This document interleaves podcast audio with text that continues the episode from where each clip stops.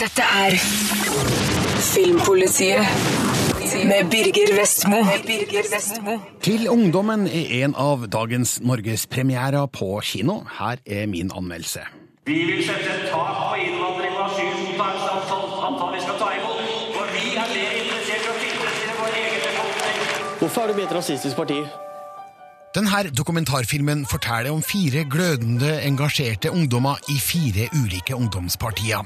Filmen ble påbegynt i 2010, men planene måtte naturlig nok endres etter 22. juli i fjor, noe regissør Kari Anne Moe har takla glimrende.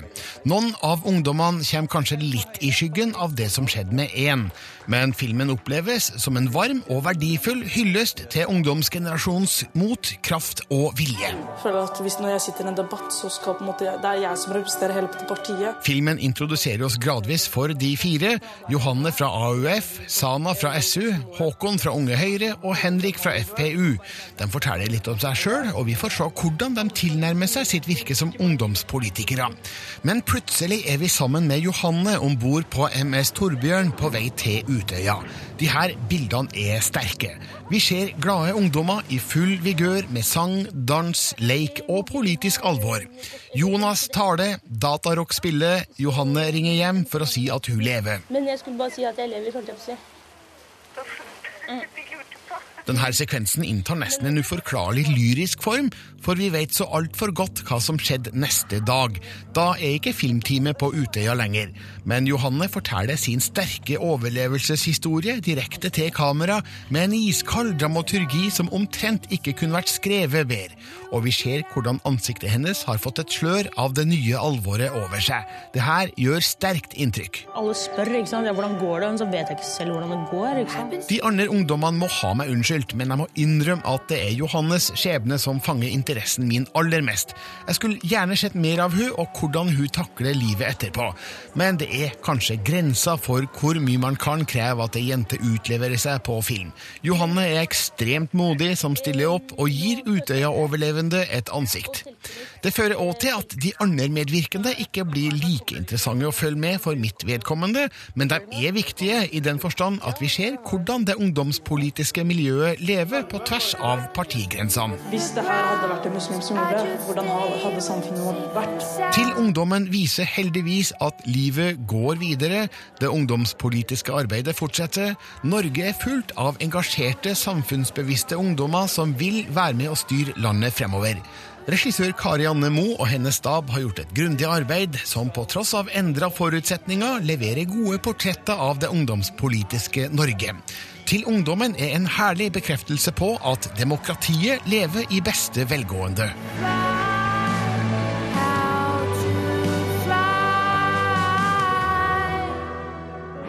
Dette er Filmpolitiet på P3. I dag er det altså premiere på den sterke dokumentarfilmen Til ungdommen. Du kan lese og se anmeldelsen på p3.no filmpolitiet. Det er altså en film som skulle handle om fire ungdomspolitikere mot eh, skolevalget i 2011, men som selvfølgelig måtte endres da 22. juli inntraff eh, i fjor. og en av de det gikk mest utover, var Johanne Butenschøn Lindheim fra AUF, som var på Utøya og forteller sin sterke overlevelseshistorie i denne dokumentarfilmen. Reporter Gjermund Jappé har møtt Johanne, som først forteller hvordan hun endte opp i filmen i første omgang. Det var ganske tilfeldig at det var et årsmøte i AUF, og Karianne var der. Og jeg løp rundt for at jeg hadde litt forskjellige verv og mange oppgaver. Og så plutselig ble jeg bare huket tak i og bare hei, still deg foran kamera og svar på disse spørsmålene.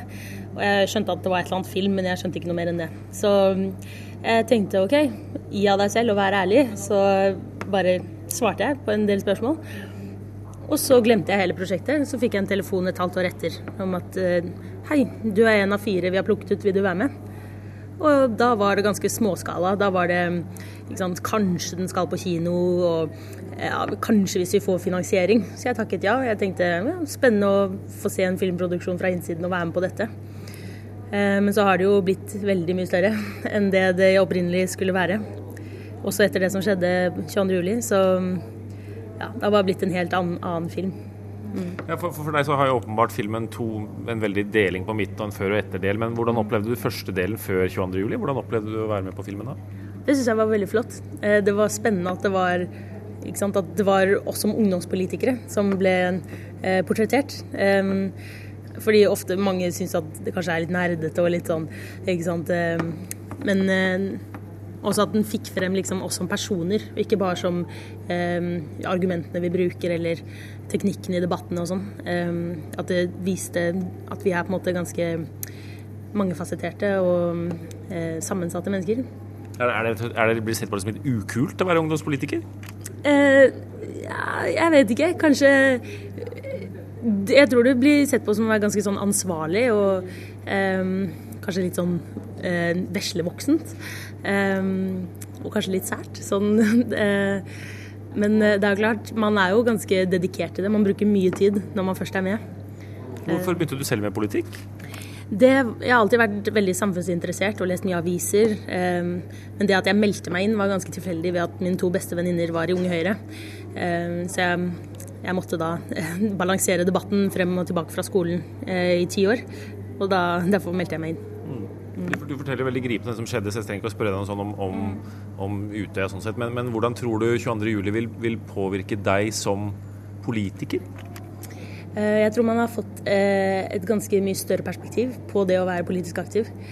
På eh, ikke det at man bare selv syns det er gøy, men at det faktisk er viktig at man er med. Det på en måte gir en en mer al alvorlighet eller en mer seriøsitet til det. Så føler jeg meg også liksom, Man føler seg fullstendig slått i bakken etter det som skjedde, og man var langt nede. Men jeg føler nå Jeg merker at jeg blir sterkere og sterkere. Og jeg kommer til å være sterkere nå eh, etter dette her enn det jeg var før det begynte. Så jeg tror jeg har en liksom, enda sterkere på en måte vilje og eh, kraft til å faktisk ville bidra til eh, å kjempe de kampene vi faktisk ble nesten drept for. Eh, ja, så jeg bare føler meg liksom jeg er enda mer sulten.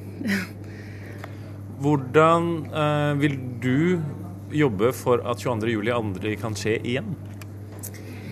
Det er vel eh, å gjennom å være engasjert i politikken eh, prøve å liksom være rollemodeller for åpenhet, for eh, demokratiske prosesser innad i partiene, eh, for en god dialog med de andre ungdomspartiene. Jeg har merket at det er både større respekt, men også en større liksom, kjærlighet mellom eh, innad i de forskjellige og på tvers av partigrensene, eh, som er flott å oppleve. Så jeg tror det kan være med å kanskje skape grobunn for noe litt styrkede eh, altså For de verdiene som ble angrepet, er veldig skjøre, ikke sant. Det ser vi jo. Så jeg tror nettopp det med å være fortsatt med i politikken, men også være med i denne filmen, dette dokumentet, det kan være viktig.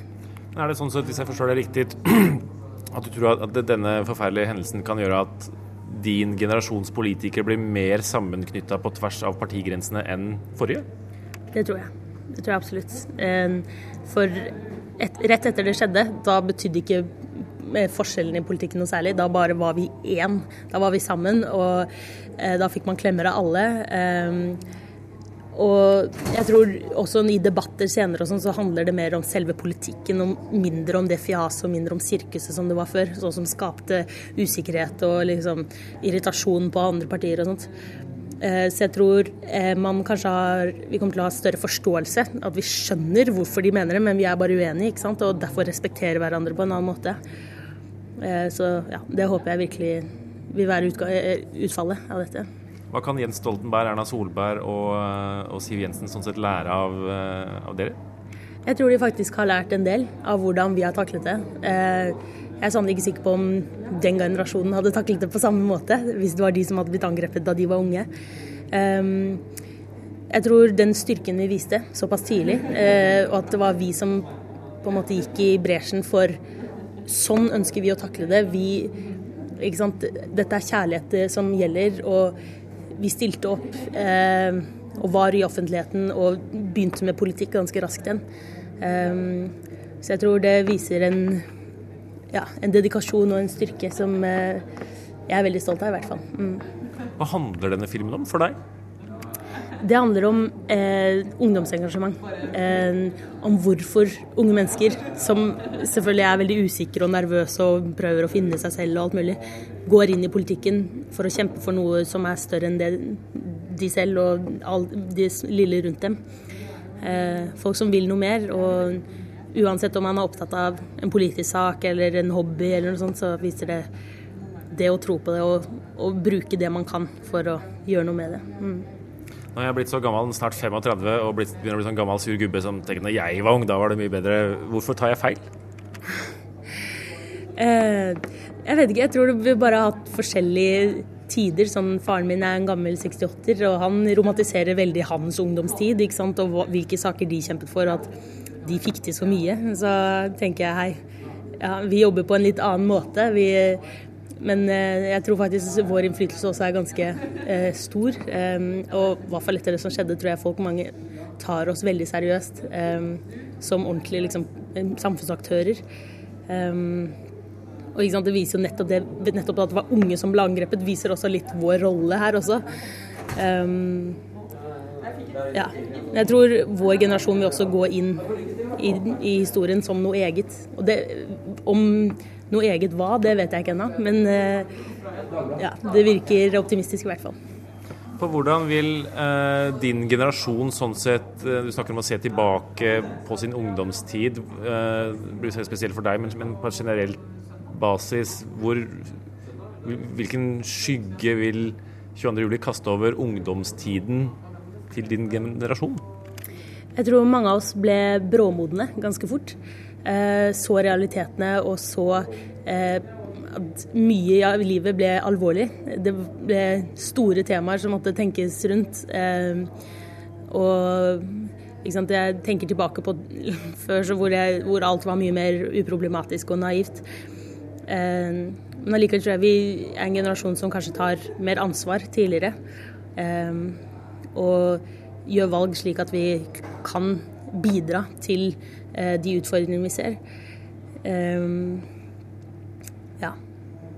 Hva er viktigst for deg? Politikken eller fellesskapet politikken gir? Det er på en måte veldig vevd inn i hverandre. Det er klart at det er enkeltsaker som er veldig viktige, eh, som det er mange som kjemper for. Men det er på en måte et premiss for at man skal kjempe for det, er at man samarbeider, og at man går mot samme mål istedenfor å sant, hele tiden kjempe mot hverandre. Så ofte på tvers av partigrenser ønsker man jo det samme målet. Det er bare litt diskusjon på midlene til det. Eh, så jeg tror kanskje vi har, kan lære mer og mer det å trekke i samme retning. Ja. Mm. Helt til sist, eh, Henrik viser og snakker om i filmen hvordan det er viktig å lære ting. Han drar til Israel for å uh, lære mer om konflikten der. Uh, tror du at du altså Man lærer jo for hver dag som går, etter hvert vil, vil lære så mye og få en annen inntrykk av ting at du kanskje vil bytte politisk ståsted? Det tror jeg faktisk ikke. Eh, jeg har også vært veldig opptatt av å lære. Det er derfor jeg meldte meg inn, egentlig, sånn for å tilegne meg kunnskap. Det er ikke alt man lærer i partiet som man kan lære gjennom bøker. Ehm, men sånn grunnverdiene, altså ideologien, ehm, det er det nederste. Det er det alt bunner på, og så kan man bygge på kunnskap over det. Det er sånn jeg ser det, i hvert fall. Ehm, så Selvfølgelig så kan man bli mye mer nyansert og mer skjønne hvorfor folk mener det. Og i enkeltsaker selvfølgelig kan man skifte standpunkt, men jeg tror sånn partimessig, eller i hvert fall fløymessig, så er jeg nok eh, kommet for å bli i Arbeiderpartiet. Mm. Hva, hva, tenker du om at eh, dere som er med i denne filmen, kommer til å bli gjenkjent? Den har stort potensial. Mm. Eh, og man fester seg vel lett ved ansikter. Altså, hvordan, hva tenker du om at dere kommer til å bli for mange i hvert fall ansiktene på, på en generasjons politikere og sånn sett på 22.07, og kanskje du da spesielt med din historie på Utøya. Hva tenker du på at du nå kan bli en, uh, ja, en person mange vil forbinde med det? Jeg har vært litt opptatt av å um, fokusere på at jeg representerer bare meg selv. At selv om AUF er langt over 10 000 medlemmer, så er ikke jeg, jeg representerer ikke AUF sine synspunkter og heller ikke AUF-ernes uh, meninger og opplevelser 22.07. Um, så jeg føler filmen er god på å vise oss som personer, og ikke som representanter. Um, men selvfølgelig, det er et ansvar. Um, jeg, vet jo at den koblingen kommer til å skje naturlig for mange. At OK, det er sånn har AUF-erne det. Jeg håper at jeg på en måte fremstiller på en god måte. Ja, men så jeg tror også at alle, uansett partihørighet, vil identifisere seg med noe av oss. Enten om det er liksom ikke sant, det er jo, Selv om vi er forskjellige, så er det mange ting som er felles. Nervøsitet, ikke sant, og hvem er vi, hvordan denne ungdomstiden er vanskelig, ikke sant. Alle disse temaene her. ja. Aller siste spørsmål mitt, Lover. Uh, hva er din politiske ambisjon, statsminister? uh, nei, det er å kunne jobbe innen internasjonal utviklingsøkonomi. Eh, forhåpentligvis i en stor organisasjon med nedslagsfelt i mange land, så jeg kan reise og lære mye. jeg går jo nå på samfunnsøkonomistudier og vil kombinere det med politikken. for det er det internasjonale politiske økonomien som interesserer meg mest, og som jeg tror jeg kan bidra best til. NRK.no podkast. Filmpolitiet presenterer Filmnytt. Michael Douglas skal spille Ronald Reagan, USAs republikanske president fra 1981 til 1989. Filmen skal hete Reykjavik og handle om toppmøtet mellom Reagan og Sovjetunionens president Mikhail Gorbatsjov på Island i 1986. Dette møtet fant sted i kjølvannet av atomkatastrofen i Tsjernobyl tidligere samme år, og handla først og fremst om nedrustning. Samtalene kollapsa i tolvte time, men møtet var likevel et viktig steg i nedtrappinga av den kalde krigen mellom øst og vest. Filmen produseres av Ridley Scott og regisseres av Mike Newell, briten bak filmer som Fire bryllup og en gravferd, Donnie Brasco og Harry Potter og Ildbegeret. Nå er han snart aktuell med en ny filmatisering av Charles Dickens' roman Store forventninger, før han kaster seg over Reykjavik. Michael Douglas skal altså spille Reagan, mens man nå leter etter noen som kan spille Gorbatsjov. Charlie Sheens nye TV-serie Anger Management har slått an med de ti episodene av første sesong, som for tida går på Viasat 4 i Norge. Nå har den amerikanske kanalen FX bestilt hele 90 nye episoder.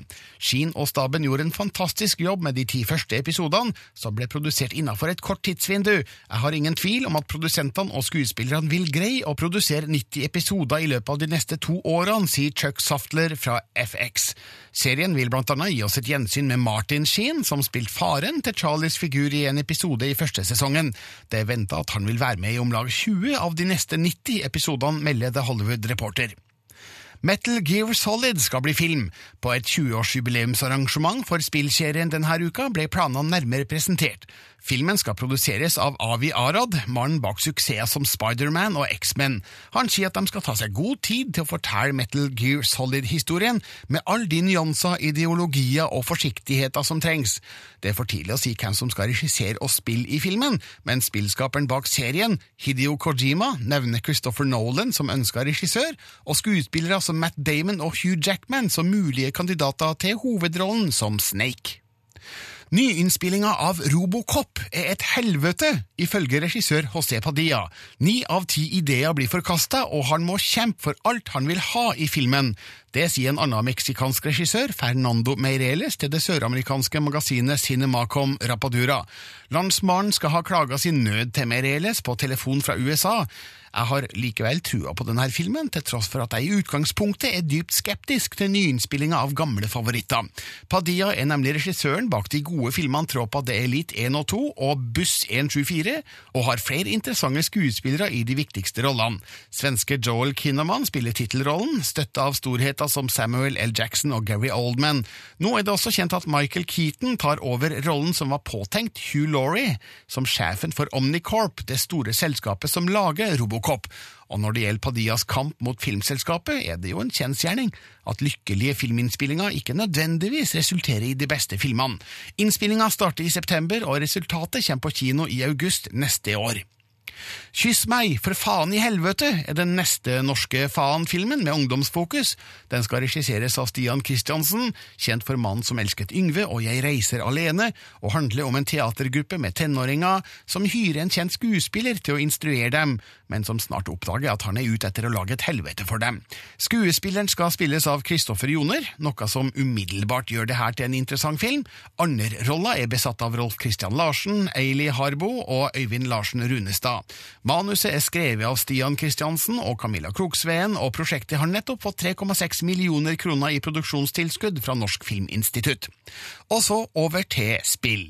Sjefen for spillselskapet Gearbox, Randy Pitchford, sier til nettstedet Gamasutra at de har ting på gang med tanke på neste generasjon spillkonsoller. Verken Sony eller Microsoft har annonsert neste PlayStation eller Xbox ennå, men det er venta at de vil ha langt større maskinkraft enn dagens konsoller. Mer kraft er alltid bedre, sier Pitchford. Det er ting vi ikke kan gjøre i dag som vi vil kunne gjøre med mer kraft, sier han, men vil ikke forklare nærmere akkurat hva de jobber med i forhold til neste PlayStation og Xbox-generasjon.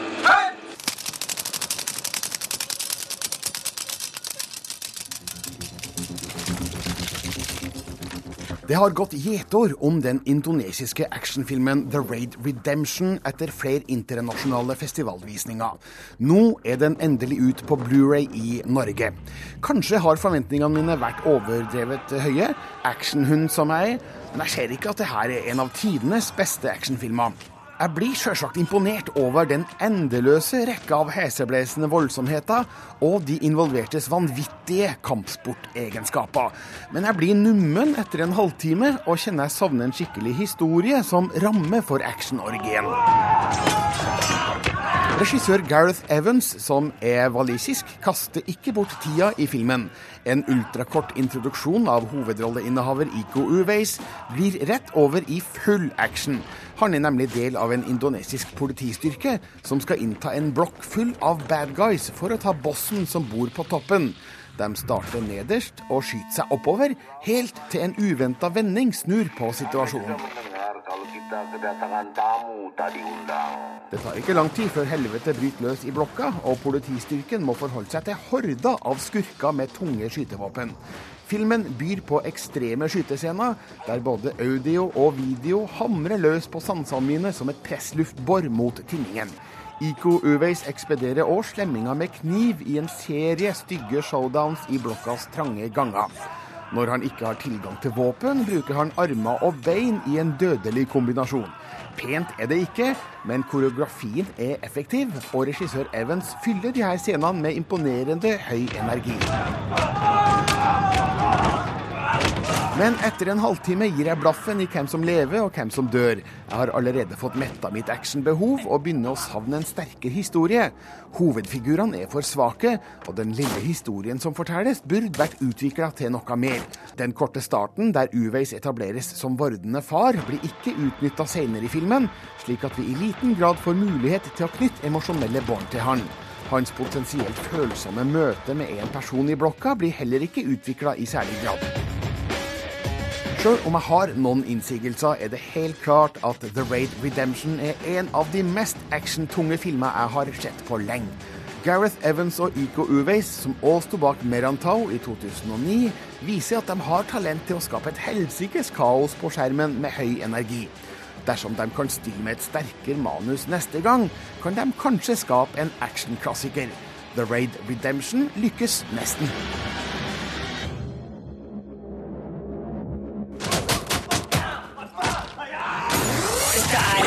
Filmpolitiet på P3. Den 69. filmfestivalen i Venezia starta på onsdag. Dette er en av verdens viktigste festivaler, med 18 filmer i hovedprogrammet samt flere sideprogrammer. Og mange storfilmer skal ha sine urpremierer i løpet av de neste dagene, og en av dem som skal se dem, er Filmbonanzas reporter Kjartan Aarsand. Hei, Kjartan. Hei, Birger. Eh, Hvordan er Venezia som festivalby, egentlig? Ja, Den har jo den veldig store fordelen at det er strand her, da. Så det er jo fin, behagelig eh, stemning, akkurat sånn som vi kan. Og så er det kanskje like fint utafor kinosalen som inni? Ja, det er litt sånn, Hvis du har sett den filmen 'Døden i Venedig', Ja. eh, med han der fyren i lindress som går og spankulerer på stranda, så er måte det er litt eh, omgivelsene her. Men det er filmene som er hovedsaken i Venezia akkurat nå. og Hvilke filmer ser du mest frem til under årets festival? Det er vel egentlig to store snakkiser her. Det ene er The Master med Paul Thomas er en film med Joaquin Phoenix bl.a. blant annet. Som eh, mange mener handler om scientologikirka. Men eh, Paul Thomas Anderson sjøl sier at han ikke eh, gjør det. Det er nok mest for å slippe å komme i trøbbel med scientologifolkene, for det vet man at det kan være ganske vanskelig. Den andre filmen du gleder deg til? Ja, det er gode gamle Terence Malick, som jo plutselig har begynt å spy ut filmer etter å tidligere vært veldig langsom filmmaker. Han kommer med filmen To the Wonder, uh, med masse store skuespillere. Ben Affleck, Rachel McAdams annet. Um, det er en film man vet veldig lite om. Det er ikke noe trailer ute, det er ikke noe poster ute. Han er mystisk uh, som vanlig. Men han er jo en stor eh, filmskaper, så det er store forventninger til den. Så det var to filmer, men det er jo 18 filmer i hovedprogrammet, og det er 33 i sideprogrammet Horisonter, mens 25 filmer vises utenfor konkurransen, i tillegg til flere visninger av arkivfilm. Det er fryktelig mye film i Venezia. Hvordan finner du ut hva du skal se? Nei, Du bruker gode gamle Google, altså. Du googler og ser på, ser på andre, sine, andre folk sine tips om hva man bør eh, se, og så prater du med folk når du er her og hører hva de skal se. Eh, Og så har det selvfølgelig litt an å si hva som kommer på kino i Norge. Så I forkant så har vi jo litt kontakt med norske distributører og finne ut hvilke filmer kommer. Så da sørger man altså for, for å få sett de filmene som man vet kommer på kino i Norge. Ja, Du er jo i Venezia for annet å intervjue aktuelle filmfolk for eh, høstsesongen av Filmbonanza på, på NRK. Hvilke kjente regissører og skuespillere skal du møte de neste dagene i Venezia? Ja, om en time her nå så skal jeg møte Winona Ryder og Ray Liotta, som spiller i filmen The Iceman om en, uh, veldig kjent amerikansk uh, massemorder, Richard Kuklinski. Det blir spennende. Uh, så skal jeg møte den østerrikske originalen Ulrich Seidel i morgen. Han lager en trilogi som heter ja, Paradise Love og Paradise Space. Den første filmen handla om eh, eh, europeiske damer som drar på sexturisme i Afrika. Så det er også spennende. Eh, Pierce Flossman skal møte på mandag. Susanne Bier. Ja, Det høres ut som du får fine dager i eh, Venezia, Kjartan Aarsand. absolutt. Du er reporter i Filmbonanza her i NRK, og gir også dine førsteinntrykk av eh, den Terence Malick-filmen du nevnte, To the Wonder, i søndagsmorgen her på P3 på søndag, selvfølgelig, klokka 11. P3. Døden sjøl er i sentrum av fortellinga i spillet Darksiders 2. Himmel, helvete og litt te er noen av ingrediensene her. Rune Haakonsen syns spillet har blitt tøft, overdrevent og morsomt. Before the eyes of God, we have been judged. Death awaits us all.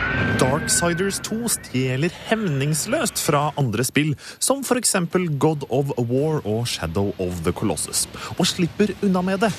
Ikke bare ser det visuelle ut som om noen har skrudd fargene på maks. Historien, kampsystemet og figurene i Darksiders 2 er også ekstravagante. Spillet byr på en fornøyelig spillfortelling i ytterkantene av kristendommens verdensbilde, lett krydra med norrøn mytologi og litt Ringenes herre. Sometimes the hero dies. Then so be it. Du inntar rollen som døden selv, en av apokalypsens fire ryttere. En halvgud som har noe uoppgjort med høyere makter, og da må slå seg igjennom himmel og helvete for å ordne opp i ting. Samtidig skal verdenen, universet og menneskeheten reddes. Only death can account for the sins of the past and undo mankind's extinction. En lang rekke logiske hull må overses for at denne spillfortellingen skal være underholdende. Det er viktig for meg å understreke. Som eksempel det at det er døden, altså døden selv, som får ansvaret med å gjenopplive menneskeheten. Men nok om det. Ved siden av historien om himmel, helvete, dverger og enda villere fantasyskapninger, så er det kampsystemet som gjør Darksiders 2 til en underholdende opplevelse. Med en pimpa utgave av Dødens ljå i hver hånd, så er han vel så driftig på slagmarken som Kratos fra God of War. Fokus på kombinasjoner og magiske spesialangrep i kampsystemet åpner for endeløse variasjoner. Erfaringspoeng gjør at døden kan gå opp i nivåer og låse opp nye spesialangrep. Flyten er meget god, og det tar kort tid å bli vant til kontrollene i Darksiders 2. Det tar derimot lang tid å mestre dem. Spillet fortsetter å gi meg utfordringer underveis, og jeg er aldri trygg på at jeg overlever neste kamp. Det er aldri så ille som Dark Souls, et ekstremt vanskelig spill i samme sjanger. Dette spillet har 100% fokus på underholdning. There are worlds beyond heaven and hell. I travel these realms as one of the four horsemen. A reaper of souls. Grafikken er røff og til tider kantete. Den er rett og slett ikke særlig polert. Det står dog ikke i veien for det fantasirike spilluniverset, som ofte overrasker meg med overdådige omgivelser og tøffe motstandere. Hele spillet er tettpakket med action, moro, utfordringer og en overdreven historie om krig, død og mytologiske oppgjør av grandiose dimensjoner. Enkelt og greit så er Darksiders 2 god spillunderholdning. I travel these realms as one of the four horsemen. A reaper of souls. An ender of worlds. Dette er Filmpolitiet på P3. No one knows how we came to this land. A land filled with magic and danger. Det sies at man aldri er bedre enn sin siste film. I så fall er Pixar per i dag kun en helt grei animasjonsfabrikk, sånn cirka jevnbyrdige med Dreamworks Animation og Blue Sky Studios. Modig er nemlig en helt grei film, som forteller en helt grei, men akk så kjedelig historie. Det handler om å være unik, følge sitt hjerte og tro på seg sjøl. Du vet, den samme historien som Disney har fortalt i et par mannsaldre. Pixar kan så mye bedre enn det her. Er det lov å være skuffa over en helt grei film? Each of the firstborn must compete for the hand of the fair maiden. Ei prinsesse på det skotske høylandet skal giftes bort til en av tre prinsekandidater, men Merida er ikke interessert i det her, og får en trylleformel av en heks som skal forandre mora. Men Merida spesifiserer dessverre ikke hva mora skal forandres til, og resultatet gjør at hun må kjempe med sitt mot og ferdigheter med pil og bue for å rette opp det hun har forårsaka. Allerede ved utgangspunktet skurrer det. Vår smarte heltinne ber altså en heks som må forandre mora, men gir heksa fritt valg til hva det skal være. Det er ikke særlig logisk og virker som et svik mot personligheten som først etableres. Seinere gjør hun en elendig jobb med å fortelle omgivelsene hva som har skjedd med mora, sjøl om det burde være i hennes beste interesse. Det er kanskje strengt å pirke på det her, men Pixar har alltid vært tydelige på at historien er det viktigste. Story is king. Den er ikke god nok her. I and I'll be shooting for my own hand. Modig er sjølsagt teknisk briljant. Å lage digital animasjon hvor det meste av handlinga foregår i skog, må ha vært litt av en utfordring. Dessverre måtte jeg se filmen i en sal med store 3D-problemer, så jeg skal ikke kommentere 3D-effekten. Men jeg kan kommentere heltinnas knallrøde Unni Wilhelmsen-hår, som virkelig fremstår som hår, ikke som legoaktig plastikk. Håret er med på å understreke Meridas opprørstrang og sterke vilje. Merida, I forbid it. Filmen inneholder den sedvanlige miksen av humor, alvor og action. Moralen i historien er velbrukt. Barn vil bli godt underholdt av filmen. Jeg kjeda meg heller ikke, men jeg savner Pixars evne og vilje til å ta sjanser. Modig er en fin film, men svært konvensjonell. Og nå er ikke det kvalitative forspranget Pixar hadde til de nærmeste konkurrentene særlig stort. Når kommer deres neste Wally? -E? you had the chance to change your fate, would you?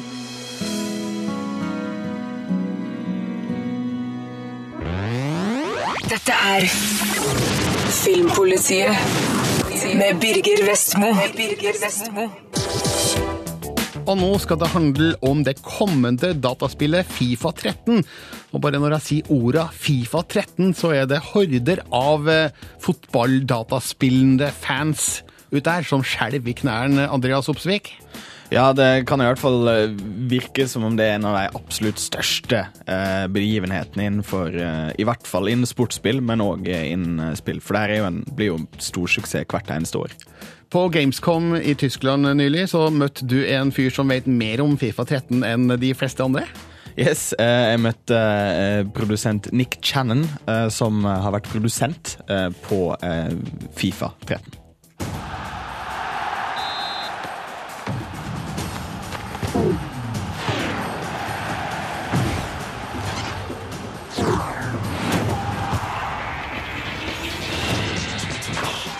We're in the business of entertaining people. We want to make a game that's as realistic as we can, but the game still has to be fun, and that's the key. You know, you you would never do something just to make it real to, for the sake of being realistic if it was not fun. Uh, we make video games. We want to entertain people, and we find that balance of making it as realistic as possible, but maintaining it as a fun experience, and, and that's the key to anything that we do. Uh, in previous games, touch has always been very much sort of perfect. It's felt like the ball has been sort of stuck to your foot. This year, we're looking at context, looking at where the ball's coming from, the speed of the pass, the height, the player that's receiving it, and, and determining how the ball would react in those situations. So, what that's creating is, is much uh, more unpredictability within our game. Very important, not random. Uh, the system really looks at how the ball would react in that situation. So, it's a much more sort of emergent gameplay. Different things will happen, making you think much more like a footballer. So, and that separation from ball to player also brings in all the mechanics around the player impact engine too. Y ahora Messi. We wanted to bring our game up up to date regularly with, with what's happening in the real world of football, really following the heartbeat of football itself. So you go in, uh, it's completely reworking our kickoff mode. So uh, what will happen is there'll be regular updates of our database, um, where we'll be updating form, we'll be up, up, updating, um, you know, injuries, suspensions, uh, but also looking at the, the significant stories within the world of football. Has a player asked for a transfer? You know, um, are they? Oh, I'm not going to play. And actually, these things, stories will start be told out uh, through the commentary. We'll talk about how many goals a player scored, what position that teams are in in the league, whether they've unbeaten at home. All these different kind of things really reflect the real world that you're talking about on a daily basis. Will now be reflected in our game. Well, I mean, ultimately we have uh, we have lots of ideas that we still like to get to. You know, we make obviously we make FIFA on, on a yearly basis, and we, like I say, are very driven to improve it significantly every year, and I think we've done a very good job of that. But there's lots of things we've not got time to do this year uh, that we'll be looking to do in the future. So, you know, we're very fortunate that the, the, the subject matter that we have is football. We look, we watch football every weekend. We see something different. So, you know, we still have lots of ideas, and next week, with the start of the new season, something new will come up. Du hørte altså Nick Channon, produsenten bak det kommende spillet Fifa 13. Og um, Andreas Opsvik kan fortelle jo her om uh, de nye funksjonene i spillet, og at det er mange han, de ikke har rukket å gjort noe med dette året, men som kommer neste år. Ja, altså det, det, det vil jo alltid prøve å gjøre det litt bedre og litt bedre, men, men som han sa da i intervjuet, jeg, jeg tror det, det viktige er at det vil aldri bli en fotballsimulator. De, de kan ikke gjøre det kjemperealistisk, for da vil det bli en plikt. Da vil det bli litt kjedelig. Fokuset er på underholdning her. Det er absolutt på underholdning. At det, fortsatt skal være gøy å spille. Men jeg har en eh, teori her om, eh, om Fifa-spillene. Det er litt sånn eh, spillverdenens svar på Sergej Bubka. Den Og hvem, hvem Birger? Hvem er Sergej Bubka? Den russiske stavhopperen som da eh, satt verdensrekord eh, 30 ganger eller noe sånt helt sjukt antall ganger han satt verdensrekord. Han endte vel opp da på 6 meter og 14 utendørs og 6 meter og 15 centimeter innendørs. Men han, han passa på å gjøre det her da centimeter for centimeter, for dermed å da tjene lassevis med penger. Hver gang han satt ny verdensrekord, så fikk han penger. Eh, Det samme tenker jeg Fifa-folka. De, de, de passer på. De har en lang liste over kule nyvinninger de har lyst til å putte inn i spillet, men så tar de bare et par-tre av de eh, hvert år, sånn at de kan selge flere spill neste år. Har jeg rett? Ja, det, det kan i hvert fall virke litt sånn.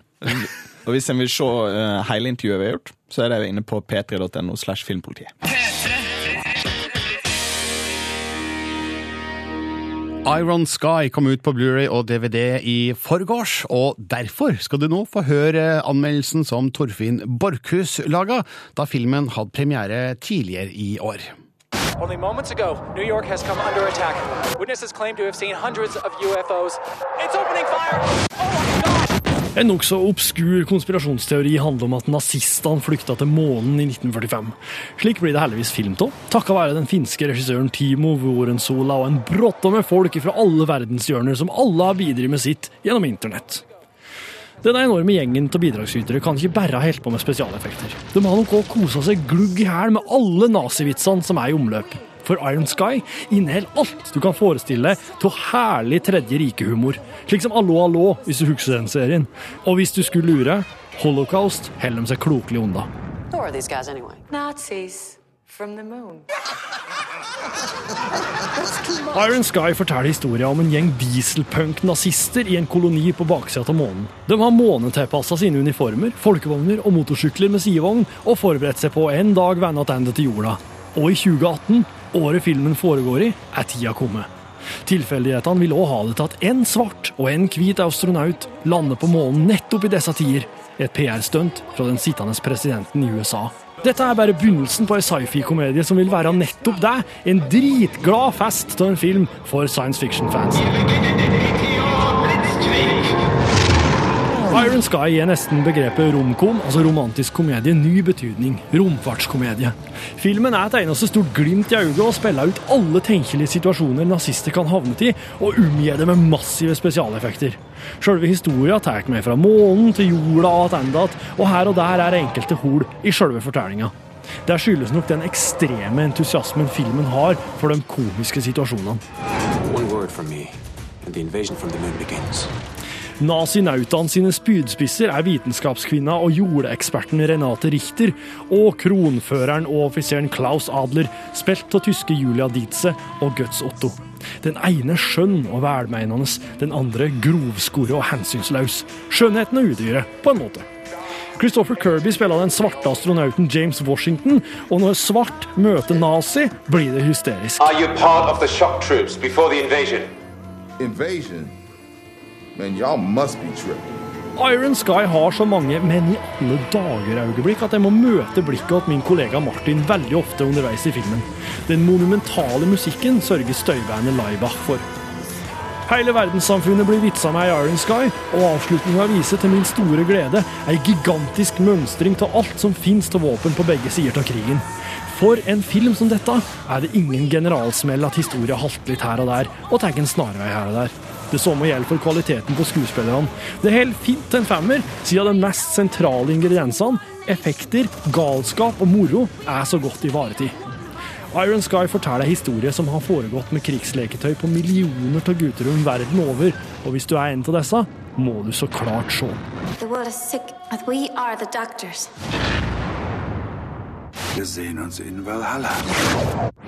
Dette er Filmpolitiet på P3. Og vi skal tilbake til Iron Sky, eh, den finske science fiction-filmen som altså kom ut på Blu-ray og DVD på, på onsdag, og var en moderat eh, suksess på norske kinoer tidligere i år. På telefon fra Finland har vi regissør eh, Timo Vuorensola. Hello, Timo. Hello, hello. How are you?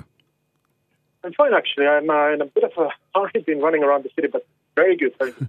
So I want to hear what happened to Iron Sky uh, internationally. Did it uh, sink or did it float anywhere? Good luck is that it did float, and it actually did pretty pretty damn well internationally. We had a we, we opened the film in February in, in Berlin, and after that, it was I think the next one was in Oslo, and after that, it's been popping up uh, uh, in the theaters all over Europe, and now in States, and also going to the Asia bit by bit, and uh, it's been doing really well. We already have over one million uh, spectators, and uh, we're sort of quite good on the on the financing side as well. So it's uh, it's been really successful. Especially Germany was really good with uh, over 600,000 admissions, and so we're really happy with, with how things turned out with Iron Sky. It's, also good to know that at Iron Sky, the thing is not ready. I'm going to Japan in two weeks. We're opening there quite big, and I, I don't know how it's going to be in Japan, but you know, movie about moon Nazis might be just a big hit of it. I don't know. Yeah. So Iron Sky was produced in um, kind of uh, unusual way, uh, uh, like uh, fans on the internet making some of the special effects. Uh, uh, did you earn your money back? Yes, it's, it seems like uh, uh, in addition for earning our money back, we're also, also going to make a bit of profit with it, which is, which is of course, good thing. So, but it's, it's definitely the thing is that uh, it's it's not easy. It's not very easy for a European film that is sort of very small European film that is trying to uh, hit to the international market. It's very very complicated and, and, and hard process, no matter what kind of film you're working on. But uh, the good thing with Iron Sky is that it has been received so well all over that it's going. So getting there, but you know, it's not an easy road. Does that mean that you will produce more movies in the same manner by you know uh, using the the film community and the fan base? Absolutely, I would I would feel very it would feel very strange to do film without the community involvement. It's really organic to me to work with the community and, and collaborate with people. And I'm already working on on basically two two new projects, and both of them I'm working already early on with the community. So it's, it's really shaping up pretty nicely. We hear rumors about uh, possible possible sequels or prequels to Iron Sky. What can you tell us about that? I can tell you very little, but I can tell you something. I can tell you that uh, uh, the sequel for Iron Sky, it's, it's surprisingly, Iron Sky was always sort of planned to be a film that has a continuation to it, and uh, and it's it's it's another uh, it's another sequel. The, the sequel in the in this uh, for Iron Sky is quite organic, and uh, and it takes it goes a little bit deeper into the myth of Nazi UFOs. Whereas uh, when Iron Sky is talking about Nazi UFOs and uh, secret moon base on the, on the dark side of the moon, uh, the sequel for Iron Sky will will well it will take a little bit lo- deeper look into the whole thing. And the funny thing is that there is there's it's, it's such a wealth wealth of material which which is out there on the on the internet that uh, uh, that it's it's very interesting to build a story. And uh, yeah, it's it's gonna be it's gonna be bigger than Iron Sky and uh, probably uh, quite a quite a crazy ride as well. But that's still in the future, so I can't tell you exactly when are we going to do. We don't even have a script yet or anything, but but we have quite a good idea what we're going to do. Timo Vuorensala, thank you. We haven't seen the last of uh, the Iron Sky universe on on movie No. on the in, in film. I hope. but first, No, it's it's definitely coming. Yeah. but first, everybody can check out the the first Iron Sky on on Blu-ray or DVD. Very good. Do that. It's Have a nice great fun film, have a nice Friday and weekend, Timo. and you too. Bye bye. Dette er Filmpolitiet med Birger Vestmo. Birger Vestmo. Du hører nå en podkast fra NRK P3. Hent flere podkaster fra NRK på nettsiden nrk.no podkast. NRK P3.